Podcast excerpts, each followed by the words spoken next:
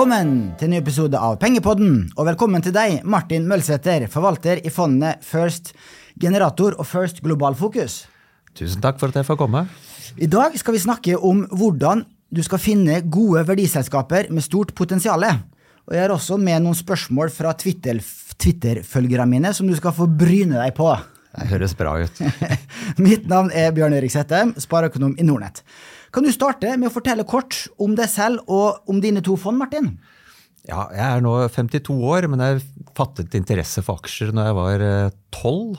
Det var da faren min som jobbet i Blokk Vatne fikk tilbud om å kjøpe aksjer i selskapet til 30% rabatt for 5000 kroner. Han ville ikke det, og det syntes jeg var fryktelig rart. Så da kjøpte jeg i hans navn, og da etter det så ble min interesse vekket for aksjer. Tidlig ute? Veldig tidlig ute. Men jeg har jo aldri, jeg har jo ikke noen foreldre med, som har noe formue eller noe som helst, jeg måtte prøve å tjene litt penger selv da, på, først. Og det har jo vært en lang reise som, på Handelshøyskolen og vært, jobbet som analytiker på aksjer i veldig mange år. Og, og jobbet i en hedgefond med Spetalen og litt forskjellige aksjefond og sånt, før jeg har kommet hit jeg er nå. Mm. Og vi gikk jo sammen på Handelshøyskolen òg, så ja, det gjorde jeg, husker at du satt foran Bloomberg-terminalen mye. Ja, jeg gjorde det. så bra. Og eh, våre aktive fondskunder de kjøper jo gjerne fond som ligger i toppen av avkastningslistene, enten siste år eller siste eh, tre år. Ja. Og begge dine fond har gjort det i, i, i perioder. Og i så nå, eh, rangert etter siste eh, tre års avkastning, så ligger Generatorfondet helt på topp blant norske fond. Ja. Og eh, Global Fokus ligger helt på topp blant globale fond, så det er jo ganske imponerende. Ja, det, er, det har vært en eh, tøff reise, da, fordi med min forvaltningsstil så har jeg likt type verdiaksjer, og de har jo gjort det veldig veldig dårlig i, i perioden etter finanskrisen. Fordi type verdiaksjer liker ikke lave renter, og særlig ikke når rentene blir presset ned av sentralbankene til minus. Det er liksom det verste motvinden vi kan ha. Så jeg har hatt veldig mange år med motvind, men nå har du jo sluttet med det her med pressende rentene. Så da har jeg endelig gått fra motvind til litt medvind, og da, da har det hjulpet veldig nå de siste tre årene. Mm. Men eh, det er jo veldig variable resultater som du er inne på. Ja. fordi at hvis du ser på avkastning siste tolv måneder, så ligger du i nedre halvdel av den samme lista. Ja. Og siste fem og siste ti år så ligger du om lag i midtsjiktet. Så, sånn at det har ikke vært noen eh, dans på roser å være verdiforvalter, akkurat. Og du har Nei. jo en litt spesiell stil, som vi skal komme tilbake til. Ja, nei, Det har vært tøft, altså. Så, men jeg, jeg, tenker så, så, så som jeg, jeg, bare tittet litt på generatorfondet siden jeg overtok i 2011, så har det steget 340% og indeksen opp 220. Så det er sånn, iallfall 120% bedre enn indeks. Så det er, det er, greit, men det burde vært mer. Det burde vært egentlig ja. bedre, og det ser du på Morningstar-stjerner ja. også. Ja. fordi at de eh, Morningstar-stjerner, som er en måte å rangere historisk avkastning på, hvor du tar hensyn til eh, risikoen, altså svingninger underveis. Da ser du at det eh, First Generator, som da investerer i norske selskaper, har to av fem stjerner på mm. Morningstar. Ja. Eh, men du, du, kan også gå inn og se på stjernerangeringa i forskjellige tidsperioder. Og den siste treårsperioden så har du da fem stjerner. Så da har du fått veldig godt betalt for den ekstra risikoen du har påtatt deg. Men eh, siden Morningstar er da Eh, basert på et snitt av siste tre år, siste fem og siste ti år, så har fondet ditt to stjerner i den totalperioden der. Ja. Og ditt globale fond, First Global Focus, har tre av fem stjerner, som er da litt over gjennomsnitt i den fondskategorien. Mm. Så du blir straffa eh, ganske hardt for de ekstra svingningene, for jeg ser at standardavviket på generatorfondet det er 27, 27% siste tre år. Og det er om ikke det dobbelte, så er det ikke langt unna det dobbelte av et eh, norsk gjennomsnittlig aksjefond, i hvert fall et norsk indeksfond. Mm. Eh, mens Global Fokus har et standardvik på 20, og det er også vesentlig høyere enn en snittet. Jeg kan si at det er et globalt indeksfond de siste tre år. Hvor mye har det hatt, tror du, i standardvik? 11. 11 og, det, og det er faktisk lavere enn det historiske snittet, som ligger ja. på 15. Ja. Så det, det, det, er i hvert fall en grei måte å måle eh, standardvik på. Eh, så du liker store svingninger, Martin? Ja, iallfall hvis svingningen er opp og ikke ned. Og det er jo en av grunnene til at jeg har et stort standardavvik i forhold til eh, indeksene de siste tre årene. Jeg har hatt en ekstremt høy meravkastning. Og da får du veldig høyt standardavvik. Men heldigvis, det er standardavvik som kundene bør ville ha. Hvis jeg ikke hadde hatt noe meravkastning, så hadde jeg hatt vesentlig lavere standardavvik. Så det er jo et lite paradoks med den målemetoden da, um, i den perioden der. Som, som sagt, De siste tre, siste tre, årene så har det jo vært voldsomt meravkastning. Og det gjør jo at uh, avviket blir veldig mye på oppsiden, men det måles jo som økt risiko. Det er riktig, men Hvis du hatt uh, meravkastning i hvert kalenderår, da hadde du fått fem stjerner i Morningstar. Ja, helt tilbake, helt tilbake til, de, de siste ti årene. Sånt, ja. Så det, det stemmer. Sånn. Eh, hvordan vil du oppsummere investeringsstrategien din med? Jeg, vil si at jeg, jeg, liker å være ganske konsentrert, ikke ha for mange posisjoner. For jeg mener at en forvalter har kun noen gode ideer i løpet av et år. Da må du kunne satse skikkelig. Ikke satse 2% av porteføljen på noe du har jobbet fryktelig mye med. Det blir helt meningsløst. Så du må kunne satse skikkelig. De fleste tør ikke det, fordi da vil jo fondene hvis du ikke har så mange posisjoner, så vil du få større dagsvingninger i fondet, men du skal da over tid, på litt sikt, gjøre det mye bedre sin eh, historikk. Og hvis du ser på forskning, så viser det at de største posisjonene gjerne som fondsforvalter har, de gjør det mye bedre enn fondet generelt. Og det er jo fordi det er jo de han har satset mest på, han eller henne har satset eh, og jobbet mest med. Mm. Og du har også en AIF-struktur på det generatorfondet. Det betyr ja. at du kan ha færre enn 16 aksjer i porteføljen, ja. og ikke følge de USITS-reglene. Og det gjør at du kan ha mer konsentrert portefølje? Jeg kan ha helt opp til 15 eh, i enkeltaksjer, i motsetning til 10% i vanlig USIT-fond, som mitt globale generatorfond Globalt Fokus her. da. Mm. Og Det kan du jo si, det er en fordel så lenge du tar riktige valg, ja. sant, ja, for da kan meravkastninga bli betydelig større. Men eh, tar du gale valg, så kan det gå enda mer gærent. Så, din, så, så fallhøyden i fondet ditt er større enn i et USITS-fond, et, et, ordinært aksjefond. Ja, og da kan du se, Det er jo derfor de fleste av mine konkurrenter velger å ikke være så aktive. Ta, fordi, men jeg velger å gjøre det, og jeg har puttet alle mine egne penger i mine egne fond. Så, så jeg, jeg, er i samme båt, og vel så det, som, som investorene mine. så er det litt som er med. Det liker jeg veldig godt. Kan du si, Er det mange titalls millioner, eller? Ja, det er mange titalls millioner. Snart så mye at du må flytte til Sveits? Nei, det er helt uaktuelt. jeg trives altfor godt i Norge. Så bra. Jeg tenkte vi skulle gå litt mer inn på den forvaltningsstilen din. For at du har en veldig spesiell stil, siden ja. du, du, du, liker volatile aksjer som svinger mer enn snittet. Og disse verdiaksjene da, som du eh, har spesialisert deg på, ja. det er jo gjerne eh, øh, aksjer som er i litt vanskelige situasjoner. har... Ja. Eh, har eh, hatt en svak kursutvikling over lengre tid. Du har uttalt, du har vært i podkasten her for litt over to år siden. Da sa du at du, du liker gjerne å kjøpe taperaksjer og selge vinneraksjer. Og det er jo normalt ingen vinnerstrategi i aksjemarkedet. Eh, momentumstrategien ja, har jo gitt meravkastning på lang sikt, men du er nesten motsatt av en momentuminvestor. Ja, det stemmer, det. Så min filosofi den baserer seg egentlig på det er vel Fama French og sånn som lagde studier av det her for mange mange, mange titalls år siden og viste at å sitte med en type, sitte med verdiaksjer og være aktiv med det, det har lønt seg veldig bra over tid. Og En av grunnene til at det har lønt seg, er nok at det er jo litt mer risiko. Siden verdiaksjer per definisjon er de som ikke er de flinkeste i en sektor. Og da har du litt dårligere lønnsomhet og litt større risiko for at du går konkurs, annet. Men det har jo ikke vært eh, men, eh, Og det har jo over mange tiår så har det fungert veldig bra. Men etter finanskrisen, hvor man da presset ned rentene til minus, så var det det verste som kunne skje for eh, verdiaksjer.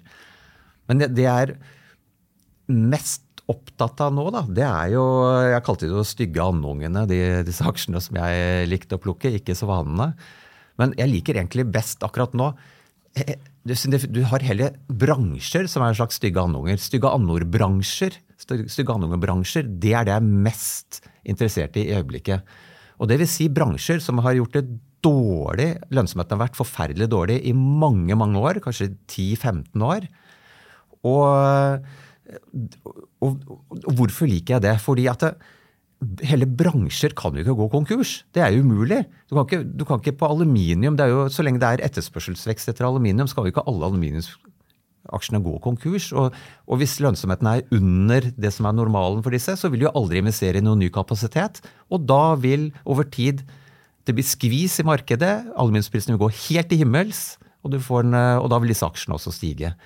Så det, så det, og nå, du, nå, er det en situasjon hvor det er faktisk ganske mange bransjer som jeg kan si er stygge andungebransjer. Og da investerer jeg spesielt i de bransjene. Og det har jo fungert veldig bra de siste par årene. Eh, siste, siste halvåret, siden nyttår, så har det ikke fungert. Så derfor så har ikke fondene gjort det så bra hittil i år. Men jeg tror at det bare er altså Vi snakker om uker eller et par måneder, så kommer det til å fungere ordentlig, ordentlig bra igjen. Uh, men jeg, jeg, vil hevde at som hobbyinvestor så er din strategi med å kjøpe de uh, utbomba og upopulære aksjene, uh, det er en veldig risikabel strategi. Du må være utrolig eh, dedikert og følger veldig godt med og kjenner selskapene. fordi at en del av de selskapene som du er inne på, de går jo konkurs innimellom. altså eh, Rigg-selskaper, supply-selskaper, som er i den stygge annunger kategorien, de går jo konkurs innimellom. Ja, det stemmer. Men det som er så veldig unikt nå i forhold til forrige nedgangssykler, det er at eh, i disse stygge andungebransjene vi snakker om nå, så det, kommer det ikke ikke noe særlig tilbudsvekst i hele tatt. Siden det har vært en så lang mørketid, i, og bransjen snakker om er type råvarer, energi, bank nede i Europa og, og transport uh, av råvarer, sånn som Golden Ocean f.eks. Det man har ikke Vanligvis i oppgangssykler så tar disse eh, selskapene og investerer masse i ny kapasitet. og så Der må de ta masse gjeld, så når nedturen kommer, så går det skikkelig dårlig. Det er altfor mye gjeld, og det kommer masse ny kapasitet. Nå så er det helt, helt, annerledes. Det kommer ikke ny kapasitet. Vi har hatt det to år nå hvor råvarepriser har vært veldig høye. Men selv ikke det har lokket fram noen nye kapasitetsinvesteringer. Så det gjør at vi er helt forskjellige fra tidligere eh, oppgang- og nedgangssykler. Vi står nå overfor en fase hvor disse her stygge annongebransjene kan faktisk tjene mye mer enn det de gjorde historisk. Og, og selskapene har ikke gjeld. Så det er helt utrolig. Ta, uh, sånn, type, sånn som Golden Ocean for eksempel, på tørrbulk. Historisk har de hatt mye gjeld, nå har de nesten ingenting. Og, og, dette, det, det, det, er det. Og dermed så ser det ut som jeg tar mye risiko ved å investere i disse bransjene. Men det er bare fordi man ser på historikk. Men egentlig tar jeg ikke mye risiko, for de har jo ikke gjeld. Og, og lønnsomheten er mye bedre enn, enn det de har hatt historisk. Derfor så så jeg veldig godt om natten med å investere i de selskapene. Jeg er mer forsiktig med å investere i verdiaksjer i enkeltsektorer som jeg ikke ser på som bransjer. Fordi da er det, som jeg er helt enig med deg, da er man veldig utsatt for, eh, for at det kan, kan gå konkurs. Og, og, den type selskaper gjør det egentlig best når man kommer ut av nedgang, begynner å komme opp igjen. Da skal du investere i den type selskaper. Mm. Så nå kjører jeg stygge andungebransjer, ikke stygge andungeselskaper. Men uh, sier du også at du forventer lavere svingninger i fondene dine fremover, Nettopp. siden de har en god balanse? Ja. Og, og er bedre. Og, ja, og det det er, veldig interessant å se. fordi når du måler svingningene, hvis du ser på hvordan gjør fondene mine i forhold til når børsen stiger 1% eller går ned 1% hvordan svinger mitt fond? Historisk, over de siste 10-12 årene, så har det svingt 1,2 ganger. Beta har vært da 1,2. Så stiger børsen 10 så har mitt steget 12 men de, tre, de to siste årene så har det bare vært 0,8, så fondene svinger mye mindre en indeks. Og det høres jo veldig rart ut når jeg investerer i den type selskaper. Men det er nettopp det jeg fortalte i sted som er årsaken. Lønnsomheten har gått opp for bransjen. så Dermed så blir svingningene mindre i, i, på bunnlinjen til selskapene. Og så har de ikke gjeld, så vil si at den finansielle risikoen har også gått ned. Så vil si at Betaen på mine fond har nå gått fra 1,2 til 0,8. Det reflekteres i selskaper som Yara, for eksempel, som har gått fra beta på 1,4 til 0,8. Men du ser ikke det hvis du taster inn i Bloomberg og disse systemene, så står det fortsatt at det er all, mye høyere risiko å investere i disse selskapene. Det er fordi de baserer seg på historiske tall som ikke er oppdatert. De ser ikke framover i tid men bare se på historikken. Og det syns jeg er veldig veldig spennende nå.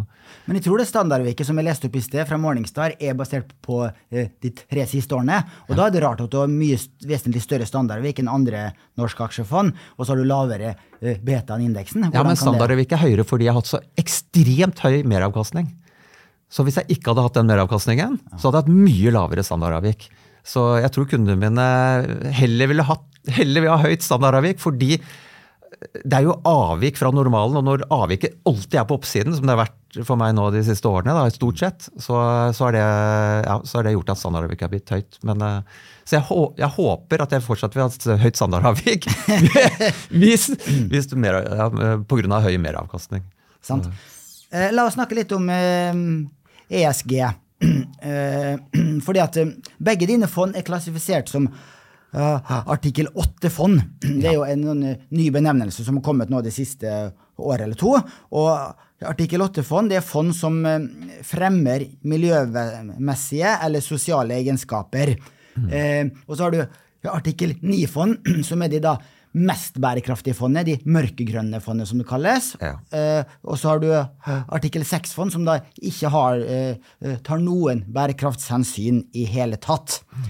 Er, er, er, og, og, det, og, det, virker litt rart at dine fond er artikkel 8-fond, for at, eh, du har jo en, en betydelig overvektig olje- og gass. Mm. Likeså i materialsektoren. Du har mm. gruveselskaper i uh, porteføljen din. Ja. Så um, er det slik at du som forvalter kan bestemme denne klassifiseringen helt selv? Er det noe uh, Norske Veritas som kommer og kvalitetssikrer der?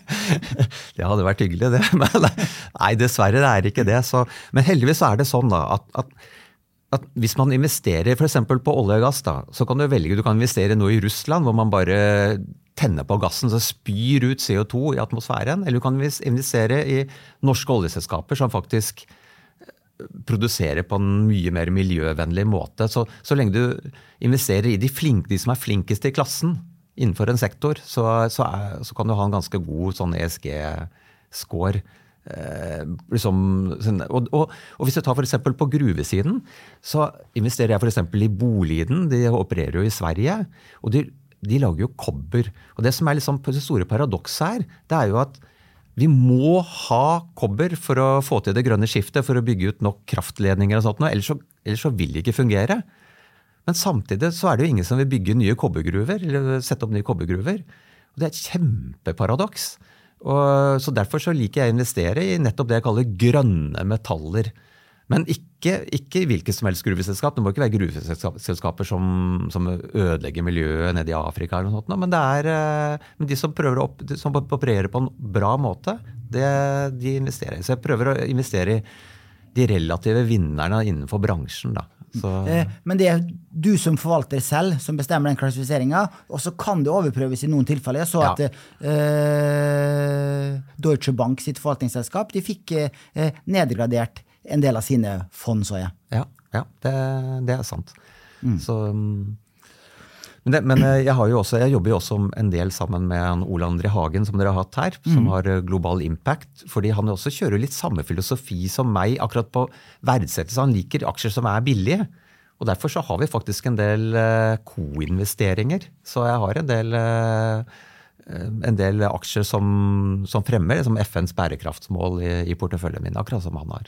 Sånn. For eh, eh, Ved å se på porteføljen din, så kan du nesten si at du, du, du vedder på at eh, skitne selskaper, eller anti-ESG-aksjer, da, mm. som eh, oljeselskaper, gruveselskaper, eh, vil gjøre det bedre enn indeksen, fordi nå er det mange investorer, ESG-investorer, pensjonsfond, uh, sovereign wealth fund osv. som ikke vil investere i disse selskapene i hele tatt. Og så lenge de tjener godt med penger, så vil jo du ha en eh, veldig god yield og veldig god avkastning hvis det er lav etterspørsel etter selskaper som, som spruter cash. Det er, det er riktig, det. Så, men det, de er mest ute etter, det er egentlig å se til selskaper som skal forbedre sin ESG-standard. Fordi da kan jeg gå inn og kjøpe de billig, og så forbedrer de ESG-standarden sin, og så kommer de grønne fondene og kjøper de mye dyrere på et senere tidspunkt. Så det er det jeg er mest uh, opptatt av. Du har sagt at du eh, fortrinnsvis investerer i verdiaksjer med lav verdsettelse. Hva er gjennomsnittlig eh, price earning og eh, prisbok for de to fondene dine? Du, nå er eh, gjennomsnittlig price, altså PE, er 5,7 for generator og prisbok 0,9 for generatorfondet. Mens eh, Oslo Børs er jo kanskje på det dobbelte eller mer enn det på de, begge disse målene. På mitt globale fond så er jeg på PE på 6,2 og også prisbok 0,9. Og der er jo prisbok for verdensindeksen er vel nærmere 3, så det er jo veldig, veldig mye lavere. Det er store forskjeller. Det er tydelig at du sitter i lite populære aksjer. Ja. Eh, med stort potensial, vil du hevde. Ja. Men du kan jo ende opp å kjøpe value uh, wraps, som det heter. ja. Verdiselskaper som aldri innfrir. Ja. Det som er litt fint nå, da, det, og det er et veldig godt poeng og Jeg, jeg har jo sittet med noen sånne, men så heldigvis har det gått bra til slutt. Eh, Jeg har sittet med Rak Petroleum bl.a., som hadde, satt jo bare med DNO-aksjer som var priset til halvparten av verdien av DNO-aksjene. Men til slutt så ble selskapet oppløst, og kursen doblet seg. og Da kom jeg meg ut. Men det som er spesielt interessant nå med, med disse, er at med en på 6, og siden de ikke investerer, så går jo alle earningsen går jo rett tilbake til aksjonærene, så det blir en voldsom kontantstrøm fra disse selskapene. Og da kan du si at Å sitte med en value trap med selskaper som gir en avkastning på 15-20% det er greit. det. Jeg tar de 15-20% i form av utbytte og sånt noe hvert år. Jeg. Da er det helt greit at jeg sitter med en value trap. Det blir bra for, eh, for fondskundene mine uansett.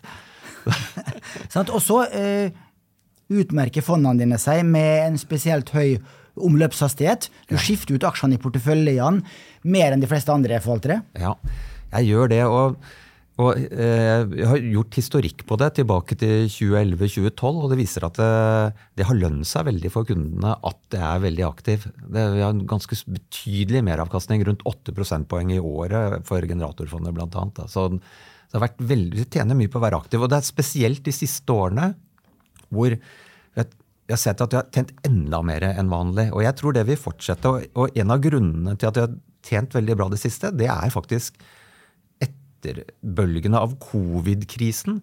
Fordi det som, skjedd, det som skjedde i covid-krisen, var at plutselig så ble, så ble seminarer og, og mulighet til å møte ledelsen i de store globale selskapene, det ble mulig på nett for sånne forvaltere som meg, som har ganske små fond. Det var ikke bare de aller største hedgefondene som fikk den muligheten. Så det har gjort at jeg får mye mer, tilgang til mye mye bedre informasjon enn det jeg fikk før. Og samtidig så er jo fondene mine små, så derfor så kan jeg være, være veldig rask, være veldig aktiv. Mens de store hedgefondene de må jo bruke ukevis på å komme seg inn og ut av posisjoner. Så kan jeg bruke en dag eller, eller maks to dager på å være inn og ut. Så jeg tjener veldig på å være mye mer på å være da liten enn det, enn det jeg gjorde før covid-krisen. Så- jeg får mer, tilgang til mer informasjon. Og så blir jeg også mer produktiv, så jeg slipper å dra til Kina på et seminar. Jeg kan bare sitte og følge med det på nettet. Og da trenger vi ikke liksom bruke en uke på, på det, bruker bare noen timer. Jeg hadde et eksempel også. Jeg møtte, skulle møte sentralbanksjefen i Nederland og Belgia og de største bankene i, der. Og jeg var, jeg var syk, da satt jeg i slåbroken min hjemme. Da. Jeg skulle jo uansett gjøre det på nettet, bare skrudde av bildet. Så kunne du sitte der og snakke med dem og møte dem. Og, så både jeg, får jeg tilgang til informasjon, jeg ville aldri fått lov å møte dem før. Siden jeg gjorde jo dette sammen med en gruppe. Um, så jeg ville ikke fått vært, vært i posisjon til å fått lov til å møte dem før, men nå får jeg det. Mm. og samtidig, selv om jeg er syk, så kan jeg sitte og høre på og følge med. og sånt. Så jeg, jeg syns det har vært en kjempefordel det som har skjedd etter covid på det teknologiske. og det har gjort at jeg som, pro, som forvalter gjør at jeg trader mye mer lønnsomt, og jeg blir mer produktiv. Mm.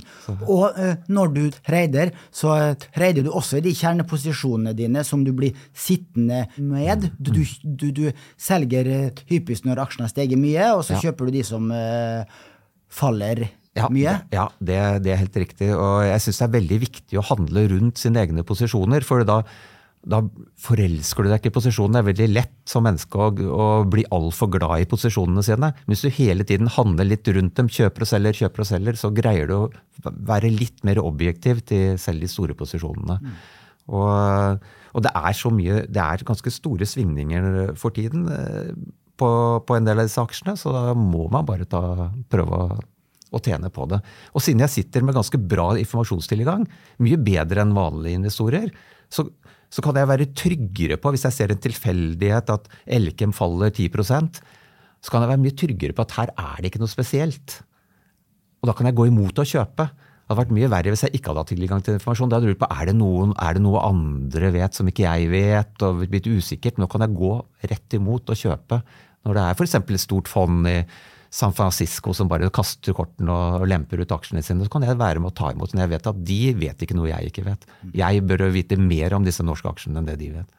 Eh, men for å ta det eksempelet her, hvis Elken faller eh, 10 på en dag på, et stort salg, eh, eh, ringer du da først til analytikere som følger selskapet, for å høre om de vet noe mer enn deg? Ja, eh, noen ganger så gjør jeg det ikke. Noen ganger så er jeg så trygg på informasjonen jeg sitter på at jeg ikke trenger å gjøre det, men noen ganger gjør jeg også det. Det er helt riktig. Kan du si de tre største posisjonene i de to fondene dine, og hvorfor du eh, er så tungt vekta i de? Ja, altså Den største posisjonen i Globalt Fokusfondet er eh, et kinesisk polysilisiumsprodusent som produserer jo polysilisium til solceller, så det er jo absolutt relevant for å få til det grønne skiftet. Og kineserne står for eh, over 90% av polysilisiumsproduksjonen i hele verden. Så vi er faktisk avhengig av, uansett hva man mener om Kina, så er vi avhengig av dem hvis vi skal helt tatt få til noe grønt skift. Og hvorfor jeg har investert i den, det er fordi at faktisk børskursen De har ikke noe gjeld. Børskursen er faktisk lavere nå enn kontantene til selskapet. Og det er ingen gjeld. Og så er det en PE på tre, så de tjener enormt med penger. Og verdien er egentlig mindre enn cash-posisjonen. Og selskapet er notert i USA. Eh, amerikanerne hater jo kinesiske aksjer, så det er derfor den er priset så lavt. Den er også notert, Datterselskapet er notert i Kina, der er den priset tre ganger så høyt. Så det selskapet gjorde i fjor sommer, var at de hentet penger i Kina. til en prising som var da ja, 150% over prisingen i USA. Og nå bruker de faktisk deler av de pengene på å kjøpe tilbake aksjer i USA. Blant annet av meg, da. Det, så nå skal de kjøpe tilbake 20% av det amerikanske selskapet i år. Og de er eh, blant de flinkeste i bransjen. Og, så den, den, liker jeg. Hvorfor kursen har ikke vært noe særlig i år? Den har jo den begynte opp, men så har den sklidd en del ned. Det er jo fordi polisilisumsprisene faller. Men en av grunnene til at de faller, det er fordi at det bygges ny, mye ny kapasitet. Men det er jo dette selskapet er Daco, som er eh, blant de som bygger mest ny kapasitet. Og det gjør de fordi de har de laveste kostnadene i bransjen. Høres jo nesten for godt utover, sant? Det, det, gjør det. Du får tilbake pengene dine da, fra Kina. Det har vært litt problemer der også. Ja, det, det, så, men det er derfor det er så interessant at de nå kjøper tilbake 20% av aksjene. Det vil si at det er jo det samme som utbytte. Så, så da får du tilbake pengene. Så det er, det Daco. Og så har jeg et tørrbulselskap som heter Genko. Og tørrbulselskapene er også veldig, synes jeg også er veldig spennende. Genko hadde jo før veldig mye gjeld. Nå er det ingen gjeld. Og samtidig så er det flåteveksten framover er rekordlav. Forrige gang det var så lav flåte, estimert flåtevekst, det var i 2003, og da steg tørrbulgaksjene nesten 300% Så den, den syns jeg er kjempespennende.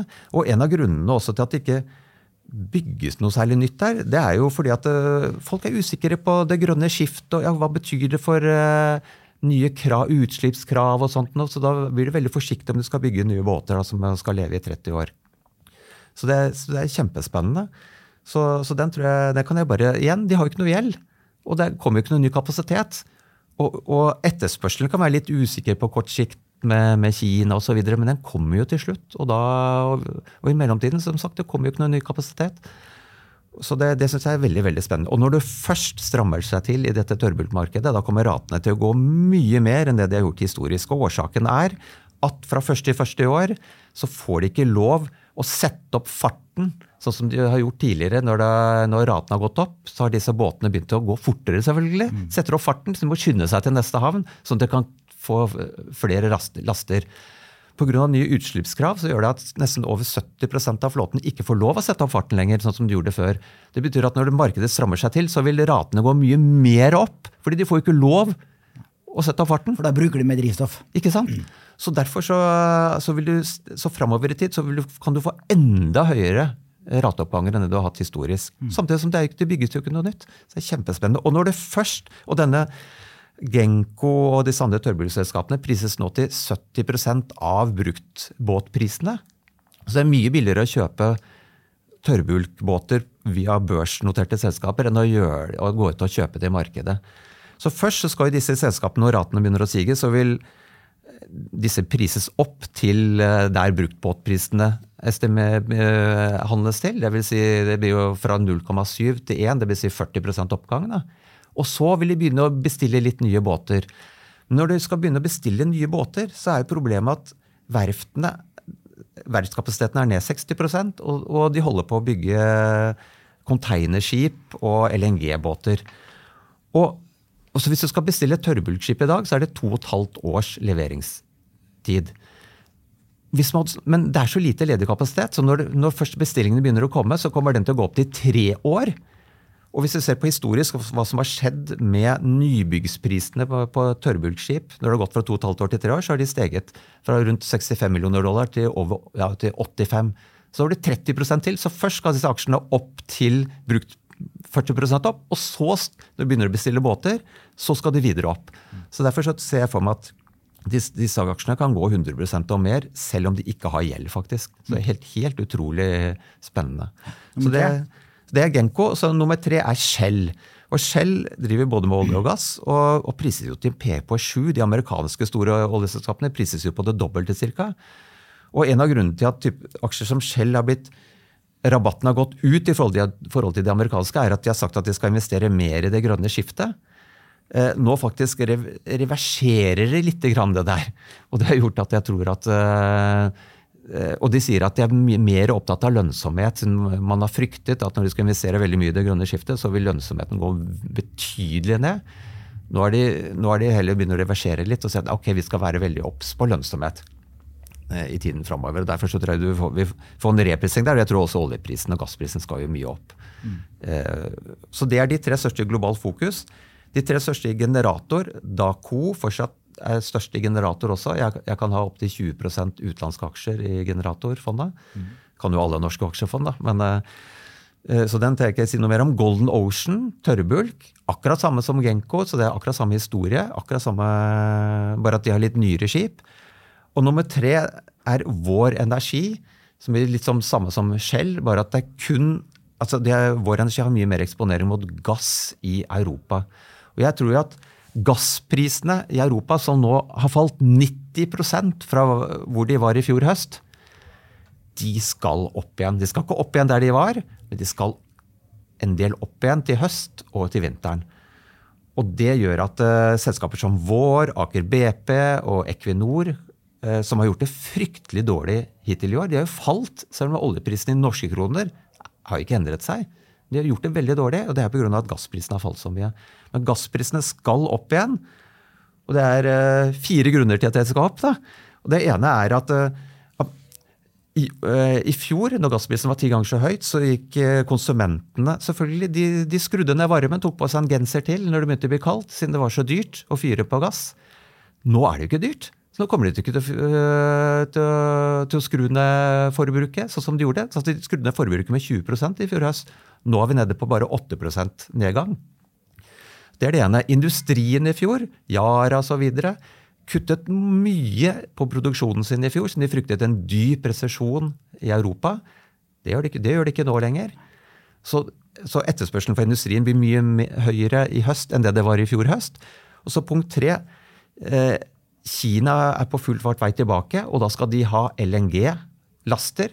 Det skulle de ikke ha i fjor høst, fordi den gangen så var det jo full nedstengning i Kina. Så alt gikk til Europa. Nå skal de ha LNG-laster, så det kommer til å bli konkurranse mellom Europa og Kina for å få LNG-laster, noe som gjør at gassprisen stiger. Og det aller siste, fjerde momentet, det er at siden gassprisen er ned 90 så får du en reversering fra i fjor, hvor man gikk fra gass over til olje- og kullproduksjon for å få lage strøm. Nå er det helt motsatte som skjer. Nå går man fra kull og olje over til gass igjen, siden gassprisen er ned 90 Så Det er fire faktorer som gjør at eh, etterspørselen etter gass kommer til å bli vesentlig høyere til høsten og vinteren enn det var i fjor. Eh, hvis ikke gassprisen går veldig mye opp, da, men det skal iallfall en del opp. og det kommer type Vår Energi og sånt til å tjene mye på. Og Hvorfor har du valgt Vår Energi som største, en av de største posisjonene fremfor Equinor og Aker BP? Du, eh, det er fordi at den jeg syns den er litt billigere. Men for å være helt ærlig så er det ikke de store forskjellene. I alle fall Equinor, om du er Equinor, Aker BP eller Vår Energi, det er ikke den store forskjellen. Så det, vil si at det, det blir litt tips om app, mener jeg. Bra. Eh, vi skal snakke litt om investoratferd også. Eh, det har jeg snakka med deg eh, om før, Martin. Eh, fordi at undersøkelser, bl.a. fra Morningstar sin årlige Mind the Gap-rapport, viser at kundenes avkastning i et gjennomsnittsfond er lavere enn fondets avkastning. I den siste tiårsperioden så fikk amerikanske fondskunder en gjennomsnittlig pengevekta avkastning på eh, 9,3% per år i eh, amerikanske aksjefond. Og det er hele 1,7 prosentpoeng lavere enn den totale avkastninga i fondet i samme periode. Det høres rart ut, men det skyldes rett og slett eh, dårlig timing av kjøp og salg. At fondskundene kjøper gjerne eh, fond etter at det har steget mye en periode, og så snur det ikke lenge etterpå, og så blir det med på mye av nedturen. Og i de mest volatile fondene, som typisk da er sektorfond, som investerer i spesifikke sektorer, så er mindreavkastninga størst. Mm. Der er mindreavkastninga hele 4 prosentpoeng analysert de siste ti årene, viser denne Morningstar-rapporten. Mm. Og dine fond er jo blant de mest volatile fondene. Ja. Så min hypotese er det at eh, kundenes avkastning i fondene dine er vesentlig svakere enn den eh, avkastninga som du skryter av eh, de siste ti årene. Ja, det er, det er, jo litt vanskelig for meg å gjøre noe med altså Jeg må jo fokusere på hvordan fondene gjør det. da. Men du er inne på et veldig veldig godt poeng. og det, og Hvordan jeg prøver å adressere det, er nettopp ved å sitte her med deg på podcasts og, og prøve å være med i intervjuer og prøve å, å, ha en del presentasjoner for, overfor kunder hvor jeg er veldig tydelig på temaene i porteføljene mine. Sånn at eh, når det kommer rusketider, så skal kundene sitte der og vite at ok, men han sitter med billige aksjer, de har nesten ikke noe gjeld. Det her kommer til å gå bra til slutt. Sånn at de ikke kaster kortene. Så, så jeg, jeg, var ikke så flink med det for en del år siden. Jeg tenkte at det, det å komme ut med sånn storytelling og sånt, og det, man skal ikke gjøre det. Men, men jeg, nettopp pga. det du sier, så, så, er det veldig veldig viktig å drive med sånn storytelling og komme med temaer og være veldig tydelig på hvilke hva, hva, altså, hvilke temaer jeg har i porteføljen. Siden da har det i hvert fall vist seg da, med, med, kundene i mine fond at, at, de sitter stort sett stille altså, når det nedturene kommer. Men det er helt riktig, det, det, er typisk at de kjøper på topp. Det er helt typisk, men det, da greier jeg i hvert fall å få dem til ikke å selge på bunn. Så de i hvert fall kan være med opp til en topp som forhåpentligvis er høyere enn forrige topp. Så det, det, er det jeg tenker på. Men det er, det er et kjempegodt poeng du har. Så det er, det er, et veldig stort dilemma. Så bra. Og da eh, tenker jeg at de lytterne som syns det høres spe, eh, spennende ut med disse to fondene dine, da er det fornuftig å ha et fundament stående av globale indeksfond, eh, hypisk, som svinger mindre, og som du kan sitte med helt til du blir eh, pensjonist. Og så kan du bruke slike aktive spissefond, om det er eh, dine fond eller sektorfond som DNB eh, Teknologi og lignende, kan du bruke det som krydder i porteføljen. Ja, det, det, kan være et fint råd. Selv om du har investert alle dine penger? Ja, alle mine egne penger i mine fond. men det er jo jeg, jeg, tror virkelig at den stilen som jeg har da, ved disse verdiaksjene, at de skal gjøre det så mye bedre enn eh, en vekst og kvalitet i årene framover at jeg, jeg, må bare investere alle i mine egne fond. Du er sterk i troen, Martin. Ja, jeg er det. Da skal vi over til eh, spørsmål som jeg har fått på Twitter. For eh, jeg la ut en melding i går der jeg fortalte at du kom i studio. og hvis Uh, interesserte følgere lurte på noe eh, som du har greie på, så kunne de spørre. Og jeg fikk eh, 10-15 spørsmål, og her er et utvalg av de. Første er fra en som heter Tore. han skriver du traff svært godt med SSAB og olje, og sikkert mange andre aksjer også. Takk for tipsene. Hvilke hovedtrender ser du i markedet fremover, og hvilke sektorer investerer du mest i nå, og hvilke aksjer? Du har sagt litt om det, men si litt mer. Ja, altså Generelt, som jeg sa, stygge andungebransjer. Det er det jeg investerer mest i. og det vil si råvarer, energi og transport av råvarer samt eh, kontinentaleuropeisk bank. Det er det er bransjer hvor lønnsomheten nå er faktisk mye bedre enn det det har vært historisk, men det prises ikke om, som om det skal fortsette, og jeg tror det skal fortsette. Fordi du ser det kommer veldig lite tilbudsvekst. Og Det gjør at det blir kjempespennende. Da sitter du med aksjer som nesten ikke har noe gjeld, og tjener bra med penger, og vi svinger mye mindre framover enn det det er gjort historisk. Så derfor så, Men spesielt så, på råvarer, så spesielt type grønne metaller som kobber. Da snakker vi type Boliden, Boliden Lundin Mining f.eks liker jeg der. Og så har du disse oljeaksjene som vi har vært inne på. Også noen mindre oljeaksjer som BV Energy, Panor og sånn liker veldig godt, som er forferdelig billig. Altså det er, det er som PE 1,5 og 2-gangen og så videre. Så det, det, liker jeg veldig godt. Så um, ja, det er jo det jeg kan si. Mm. Eh, neste er fra en som kaller seg eh, Ung Aksje. Hvordan vil den utenlandske investorflukten fra Oslo Børs påvirke fremtidig avkastning på norske aksjer? Hvis utlendingene trekker seg ut fra Oslo Børs, så vil det gjøre at likviditetspremien går opp. Det blir dårligere likviditet, så da vil jo aksjene bli priset lavere. Men selskapene vil jo tjene like mye penger som før. Så, så lønnsomheten så, så, det betyr at uh, fondene mine vil gjøre det bare enda bedre hvis, uh, i tiden framover hvis de trekker seg ut. Det, det, blir en superlønnsomhet i forhold til prisingen av disse aksjene. Eh, i tiden framover. Eh, men eh, tror du at det vil skje? Du har jo hørt at uh, aksjonærstrukturen i lakseselskapene, der har utenlandsandelen falt. Ja. Eh, tror du at det vil fortsette, og at det vil spre seg til andre bransjer? Nei, jeg, jeg, tror ikke det. Jeg tror uh, at utlendingene fortsatt vil være der. og det er jo fordi at mange av de aksjene altså de, de vil se F.eks. på råvareenergi, hvis vi ser at en norsk aksje plutselig er priset mye lavere enn internasjonale råvareaksjer eller energiaksjer, så vil de selvfølgelig kjøpe den. Så, men risikoen er selvfølgelig at det blir dårlig likviditet i norske kroner. De vil prøve å hedge valuta og sånn. det vil vi prøve. Men eh, nei, jeg, er ikke så veldig bekymret for det, rett og slett. Du har for, for øvrig ikke noen lakseaksjer i, i porteføljen, har du det? Nei, jeg har ikke det nå. Så eh, jeg, jeg, tror kanskje at øh, fordi jeg tror oljeprisen nå kommer til å styrke seg en del, og det tror jeg faktisk at krona også faktisk kommer til å gjøre det en del bedre framover. Og er det én bransje som har tjent veldig bra på kronesvekkelse, så er det jo lakseaksjene med mye kostnader i norske kroner og inntekter i utenlandsk valuta. Så, nei, så jeg holder meg litt unna den bransjen akkurat nå. Litt relatert til neste spørsmål fra investorlege. Har du noen tanker om hvordan den svake kronen eh, kan påvirke selskaper på Oslo Børs? Jeg får selv mer lyst til å kjøpe norsk når kursen er så svak den er, som den er nå. Ja, altså Hvis du tar eh, type Yara f.eks. Hvis krona svekker seg 10% så vil jo Yaras resultat øke med mer enn 10% siden de har jo alle inntekter i utenlandsvaluta og noen av kostnadene i norske kroner. Så, så mye av Oslo Børs tjener veldig godt på, på svak, eh, svak krone.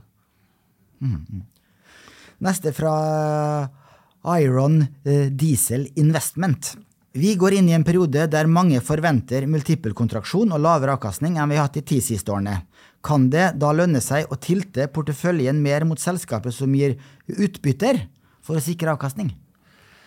Eh, ja, jeg vil jo si det. Men det, det, er jo fordi jeg mener jo at disse stygge andungebransjene som jeg investerer i, de har jo nesten ikke noe gjeld og tjener veldig godt med penger nå. Og det vil de fortsette å gjøre.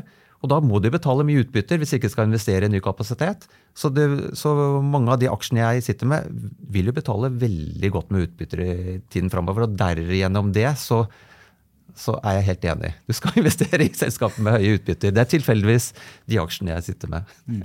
Men det vises jo også til at de som gir aller høyest utbytter, er ikke spesielt gode langsiktige investeringer. Nei, Historisk har det vært sånn, så, men, men, som jeg har vært inne på litt tidligere, at jeg tror at det, det blir annerledes i årene framover nå. Da. Fordi bl.a. dette med det grønne skiftet har gjort at man er blitt veldig skeptisk. Man vil ikke bygge en kobbergruve i, i jungelen i Afrika f.eks. Man frykter jo da må vi kutte ned trær, og kanskje noen beitemarker forsvinner osv. De orker ikke en sånn Twitter-storm og mye kaos. Da sier heller styret nei, vi dropper det. Heller betaler mer utbytter. Og da betyr jo det at det blir mye mindre kapasitetsvekst enn det man historisk ville fått. Når, når prisene etter hvert må stige, som det må i det. Det kommer jo ikke noen ny kapasitet. Mm. Så, så ja. Eh, neste fra renters rente. Hva kjennetegner verdiaksjene som leverer best over tid? Da vil jeg si at det, en verdiaksje som leverer, leverer, best over tid, det kan vi nesten ikke kalle verdiaksje. Dessverre. Så det, verdiaksjer er jo nettopp kjennetegnet med at de ikke leverer veldig bra over tid. At det varierer mye inntjening, at de ofte er, har ganske dårlig lønnsomhet. Og så Det jeg leter etter, det er jo Siden hvert år så er det ca. Hvis du deler inn eh, børsen, børsene i, en, den fjerdedelen som har lavest verdsettelse, og så den fjerdedelen som har høyest verdsettelse. Hvert år så er det en tredjedel av de med lavest verdsettelse som blir repriset opp. Og så har du hvert år den, eh, en tredjedel av de dyreste som blir repriset ned. Jeg sitter som sagt der nede i den nederste delen i grumset, nede blant de syke andungene, og prøver å finne selskaper som er i ferd med å prises opp. Men da selger jeg de. Da, da prøver jeg heller å finne andre, andre syke som, som enda ikke har blitt svaner. Så så ja, så det er egentlig svaret. Så det er Du gjør det ikke bra over tid. Eh, fra fondsspareren. Hvor stor andel har First Generator i Norske Skog? Og hva tenker du om lederbytte, omstillingen og markedet fremover? For i april så gikk vel konsernsjef Svein Ombudstedt av, og uh, Tor Hansætre tok over. Ja, jeg tenker uh, Jeg solgte meg helt ut av Norske Skog tidligere år, men nå har jeg faktisk kjøpt meg inn igjen på det, siden kursen har falt så mye som det har gjort. Så nå har jeg, jeg har ikke så mye, det er kanskje rundt 3, 3 av fondet i Norske Skog. På grunn av at jeg synes at prisingen nå ser mye mer spennende ut enn det den gjorde når den var 50-60-70 høyere tidligere i år. Jeg tror at den nye hovedeieren eh, er mer, ja, kanskje litt mer sånn opportunistisk enn øh, og, Så jeg, jeg, jeg, jeg, er ganske optimistisk egentlig på fremtiden til Norske Skog, og at, at vi også vil se at hvis altså nå, nå switcher de fra avispapirproduksjon over til kartong. Og, men de blir ikke så store i forhold til konkurrentene sine. og så Hvis en eller annen konkurrent kan drive det her bedre, eller priser som er villige til å betale veldig godt for f.eks. kartongdelen, ja, da kan de selge det til en kjempepremie. Så, nei, så jeg tror at med den prisingen vi har nå, etter at kursen har falt så mye, så er det veldig bra, spennende aksje. Så du vil eh, snarere kjøpe deg mer opp i selskapet enn å selge den ned? Ja, vanligvis liker jeg ikke å snakke om hva jeg skal gjøre. men, eh, men jeg, jeg, jeg, må vel si at det heller er den veien, ja. Mm. Og så eh, eh neste fra En Luren. Hva mener du er den største grunnen til at BV Offshore har hatt såpass svak kursutvikling, og hva ser du i selskapet fremover? Jeg tror den største grunnen til at de har gjort det så dårlig, er at de annonserte et veldig stort nybyggsprosjekt, Barbarossa, som, som, markedet var veldig nervøst for. Eh, aksjonærene, iallfall de fleste, ville nok heller ha likt at de heller betalte ut mye i utbytte og kjøpte tilbake egne aksjer, istedenfor å investere i dette veldig store prosjektet. Og, og, og foreløpig har det jo gått bra, men men det har jo begynt å koste mer. og det er jo klart Vi er jo i et inflatorisk regime her, så, så det, det, er liksom hovedårsaken. Så jeg tror at når det prosjektet blir ferdigstilt om et år eller to, så vil risikoen gå mye ned i å eie aksjen, og da vil du få en ganske betydelig reprising opp. Om det, om det vil først, se, først skje når eh, prosjektet er ferdigstilt, det kan, jeg tror at du vil få en del av reprisingen på veien når vi nærmer oss slutten, ettersom vi ser at det ser ut som det går eh, stort sett på skinner. Mm. Men jeg har jo tenkt at BV Offshore hvis du ser på en av konkurrentene, SPM blant annet, så er jo de priset til over dobbelt så høyt på, på multipler. Så jeg tror det til slutt blir, blir kjøpt opp eller et eller annet sånt. Nå, altså. Så det, det, er det jeg tror. Eh, eier du aksjen nå? Ja, jeg eier aksjer nå. Jeg har ikke så mye som jeg hadde tidligere, men jeg, jeg har en del aksjer der fortsatt. Så eh, nærmer oss slutten, men jeg har et kritisk spørsmål fra meg her. Jeg har eh, klart opp med eh, Thomas før, i hvert fall. Det er det med kostnadsmodellen til First-fondene. For dere er en av relativt få forvaltere som har lagt dere på en prismodell med suksesshonorar. Der har dere 1,25% i fast forvaltningsavgift, og så har dere 20% suksesshonorar utover referanseindeksen. Dere har heldigvis et høyvannsmerke som gjør at dere ikke tar suksesshonorar før eh, kursen har kommet opp på gamle toppnivåer igjen. Mm. Eh, men jeg syns det er i høyeste laget. For jeg mener at eh, fast, hvis du skal ta suksesshonorar, så må den faste forvaltningsavgiften ligge vesentlig under snittet blant sammenlignbare fond. Mm. Og med en fast avgift på 1,25 så ligger dere ganske nære snittet, for at eh, kostnadene i aktive fond har jo falt de siste årene. Mm. og i tillegg så mener jeg at suksesshonorar på 20% er vel grådig. Så DNB nå hadde 20% de også. De har redusert det 10 mm. Og den faste honoraret til DNB har de også redusert ned til 0,75. Så 0,75 i fast og suksesshonorar på 10 er helt ok. For da, eh, for da eh, kan du argumentere med at du kan ta deg ekstra betalt når du skal ha meravkastning, og hvis du ikke skal ha meravkastning, da får du mindre betalt enn snittet. Hva har du å si til ditt forsvar, Grådig Per? For det første så vil jeg jo si at eh, vi må jo ta igjen Fondene mine har jo falt tilbake nå fra, fra toppnivåer. Så faktisk så må jo Globalfondet må jo ta igjen over 7 prosentpoeng mer avkastning før det kommer i performance modus Og Generatorfondet må ta igjen godt over 10 prosentpoeng mer avkastning. Så kundene kan jo trygt gå inn og kjøpe fondet nå. Altså Hvis de får 7 eller 10 mer avkastning utover indeks før vi begynner å ta performance fee, ja, da, da, bør du være veldig veldig fornøyd. Så Det er ikke mange steder de kan få det. Så Det er det ene. Det andre er jo at vi har jo også en maksgrense på at vi bare kan Det kan maks bli 3,75 jeg, jeg tror det ikke er i DNB. Jeg skal være litt forsiktig. men jeg tror de har... Det stemmer det, DNB hadde 5% Ikke sant? Ikke sant? Og det, det, gjør at det er en av grunnene. Altså, og, um, og, så er det det tredje eh, poenget er at vi lar ikke fondene våre bli så store. Og dermed så blir det litt annerledes. Så vi, vi, vi bare stenger fondene våre. Vi, så jeg er ekstremt opptatt av avkastning, og særlig siden jeg har mine egne penger i fondene. Så vi vil mye heller stenge fondene og ha de ganske små, fordi da er det lettere å få god avkastning. Så det har gått bra nå etter, eh, som jeg sa, etter, etter covid. Eh, så jeg, jeg håper jo og tror at det skal fortsette med den trenden framover. Men da kan vi ikke la, som sagt, la fondene bli for store. Da, du kan, altså, jeg har av, av prinsipp eh, solgt meg ut av First Fund, for jeg syns de er for dyre. Altså. Ja, ja, ja, Men nå kan du kjøpe deg inn igjen, så nå er det jo ikke noe performance ja, Det er jo faktisk et eh, poeng at eh, poeng. så lenge de ligger et stykke unna gammel toppnotering Ja, Da er det faktisk billig, ikke sant? Så, det, så kan de komme med en slags rabatt på kostnadene. Det blir på en måte det. Ja, ja Kanskje skal vurdere da. Ja, det må du gjøre. Dagens siste spørsmål, litt mer hyggelig. Det er jo, eh, First Fundet er jo en Det er også fra meg selv. First Fundet er jo en, en mellomstor forvalter. Eh, er det 7-8 milliarder i forvaltningskapital. Eh, kan du si litt om hvordan du jobber med dine kolleger? For dere er jo et ganske lite kollegium. Vi har jo hatt besøk av Thomas Nilsen der flere ganger, en meget talefør fyr. Og også har vi besøk av Ole André Hagen, som du, du, var inne på. Og dere virker å ha en temmelig ulik investeringsstrategi. Thomas med sin kvantitative modell basert på hjemmesnekra regnskapsbase i Excel. og Ole André, som er da en eh, merittert teknologianalytiker før, og da som forvalter First Impact, et, et, et bærekraftsartikkel 9-fond. Eh, dere er veldig forskjellige, virker det som. Ja, vi er det. Men, eh, men det likheten mellom oss er at vi er veldig aktive. Så det er det vi mener eh, man bør være. da. Så, så, men, mens Thomas han må jo ha disse modellene sine, for han, jo, han sitter jo i den ofte i den, den, delen av aksjer som er blant de dyre. ikke sant? Kvalitetsaksjer. Kvalitetsaksjene.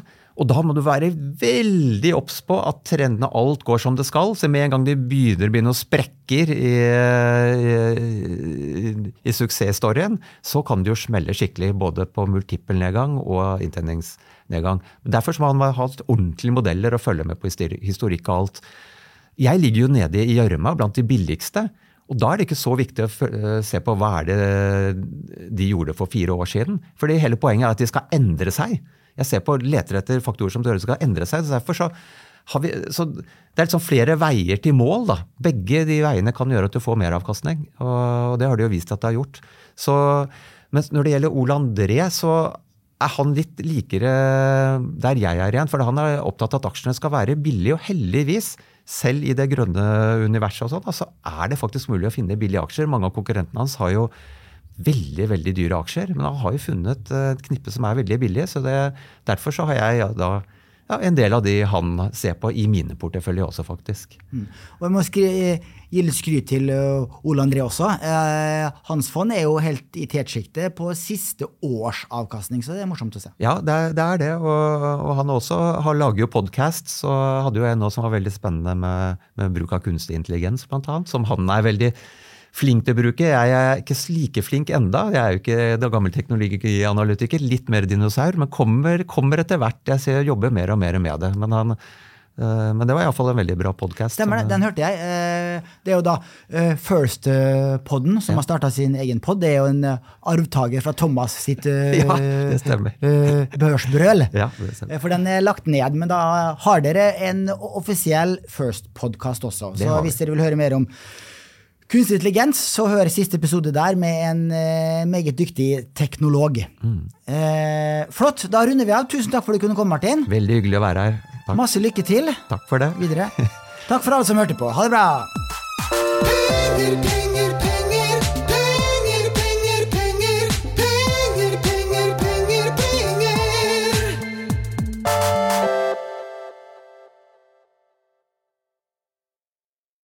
Denne podkasten skal anses som markedsføringsmateriell, og innholdet må ikke oppfattes som en investeringsanbefaling.